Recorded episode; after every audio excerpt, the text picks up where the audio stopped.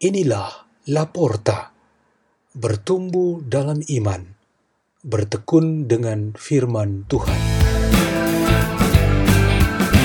dibawakan oleh Purwi dari Gereja Santa Monica, Paroki Serpong, dan Rini dari Gereja Santo Ambrosius, Paroki Villa Malatimas, Keuskupan Agung Jakarta.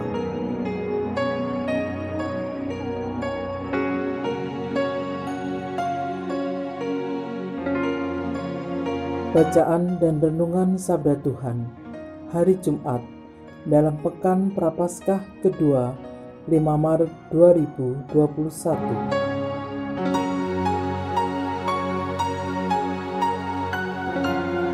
Inilah Injil Yesus Kristus menurut Matius.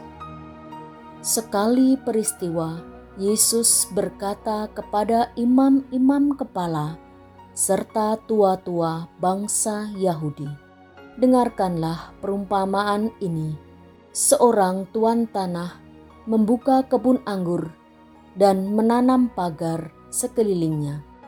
Ia menggali lubang tempat memeras anggur dan mendirikan menara jaga di dalam kebun itu. Kemudian ia menyewakan kebun itu kepada penggarap-penggarap, lalu berangkat ke negeri lain. Ketika hampir tiba musim petik, ia menyuruh hamba-hambanya kepada penggarap-penggarap itu untuk menerima hasil yang menjadi bagiannya. Tetapi para penggarap menangkap hamba-hambanya itu, yang seorang mereka pukul, yang lain mereka bunuh, dan yang lainnya lagi mereka lempari dengan batu. Kemudian tuan itu menyuruh pula hamba-hamba yang lain lebih banyak daripada yang semula. Tetapi mereka pun diperlakukan sama seperti kawan-kawan mereka. Akhirnya, tuan itu menyuruh anaknya kepada mereka. Pikirnya, anakku pasti mereka segani. Tetapi ketika para penggarap melihat anak itu, mereka berkata seorang kepada yang lain, "Ia adalah ahli waris. Mari kita bunuh dia, supaya warisannya menjadi milik kita." Maka mereka menangkap dia dan melemparkannya keluar kebun anggur itu, lalu membunuhnya. Maka, apabila tuan kebun anggur itu datang, apakah yang akan dilakukannya dengan penggarap-penggarap itu? Kata imam-imam kepala dan tua-tua itu kepada Yesus, "Ia akan membinasakan orang-orang jahat itu."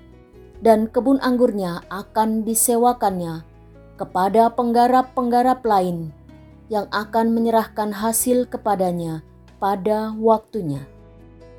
Kata Yesus kepada mereka, "Belum pernahkah kamu baca dalam kitab suci, batu yang dibuang oleh tukang-tukang bangunan telah menjadi batu penjuru?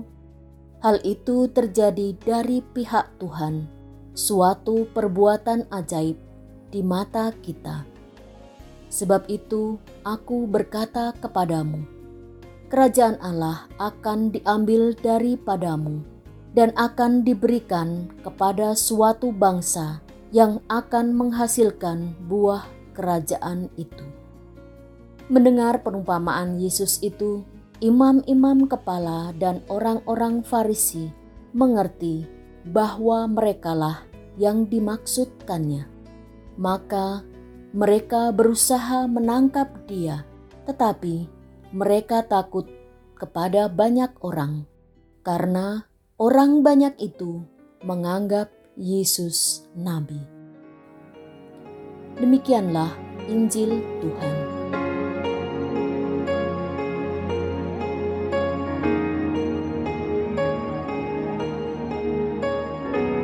Tema renungan kita pada hari ini ialah cinta berbalas benci. Kalimat dari tema ini bukan merupakan ajaran Tuhan bagi kita. Sebaliknya, yang diajarkan Tuhan ialah cinta berbalas cinta, atau cinta berbuah kebaikan, atau cinta menghasilkan sukacita. Meski bukan ajaran Tuhan, namun kitab suci dan ajaran Tuhan hendak menggambarkan betapa jahat dan buruk kehidupan itu jika dikuasai oleh dosa. Iri hati, benci, marah, sombong, kejam, dan kekerasan merupakan dosa-dosa yang menghancurkan kehidupan.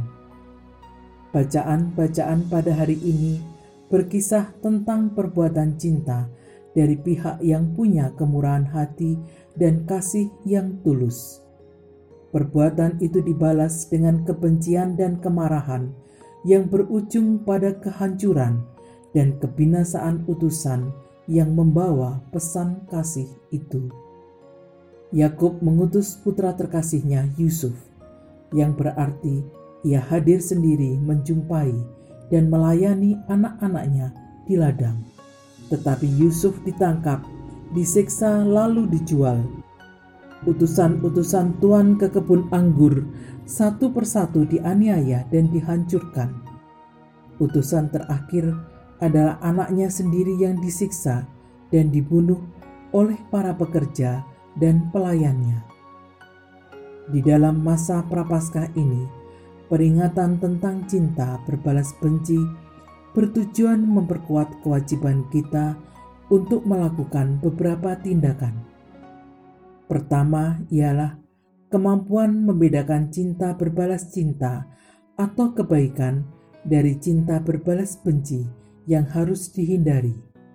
Mereka yang menyatakan diri beriman kepada Tuhan tetapi tidak bisa membedakan, lalu sengaja membalas cinta dengan kebencian, sebenarnya bukan pengikut Kristus. Kedua, ketaatan kita sebagai orang-orang beriman menuntut supaya kita berpihak pada pilihan untuk melakukan kehendak Tuhan. Terkait dengan pembedaan tadi, Pilihan kita ialah cinta berbalas cinta, kebaikan berbalas kebaikan, sukacita berbalas sukacita.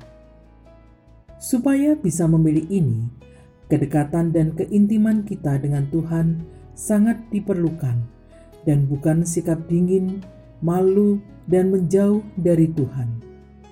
Sering berkomunikasi dengan Tuhan merupakan cara yang paling umum untuk dilakukan Ketiga, cara cinta berbalas benci adalah medan laga yang dihadapi oleh Yesus dalam pelayanan publik dan perjalanan salibnya dan yang diwariskannya kepada kita para pengikutnya. Yesus tidak takut dan lari dari gempuran kuat kebencian terhadap semua perbuatan kasih yang ia lakukan. Semakin benci dikobarkan, semakin besar pula cinta yang dilakukan. Banyak perlakuan penuh kekerasan diterima, semakin banyak kesabaran, keteguhan iman, dan pengampunan yang ditunjukkan sebagai balasnya. Cara ini yang ia ajarkan kepada kita, dan kita dituntut untuk melakukannya. Marilah kita berdoa dalam nama Bapa dan Putra dan Roh Kudus. Bapa yang bijaksana, semoga rohmu selalu menerangi budi dan hati kami, supaya kami dapat selalu membedakan yang baik dan yang jahat. Kemuliaan kepada Bapa dan Putra dan Roh Kudus, seperti pada permulaan, sekarang, selalu, dan sepanjang segala abad. Amin. Dalam nama Bapa dan Putra dan Roh Kudus. Amin. La porta, la porta, la porta.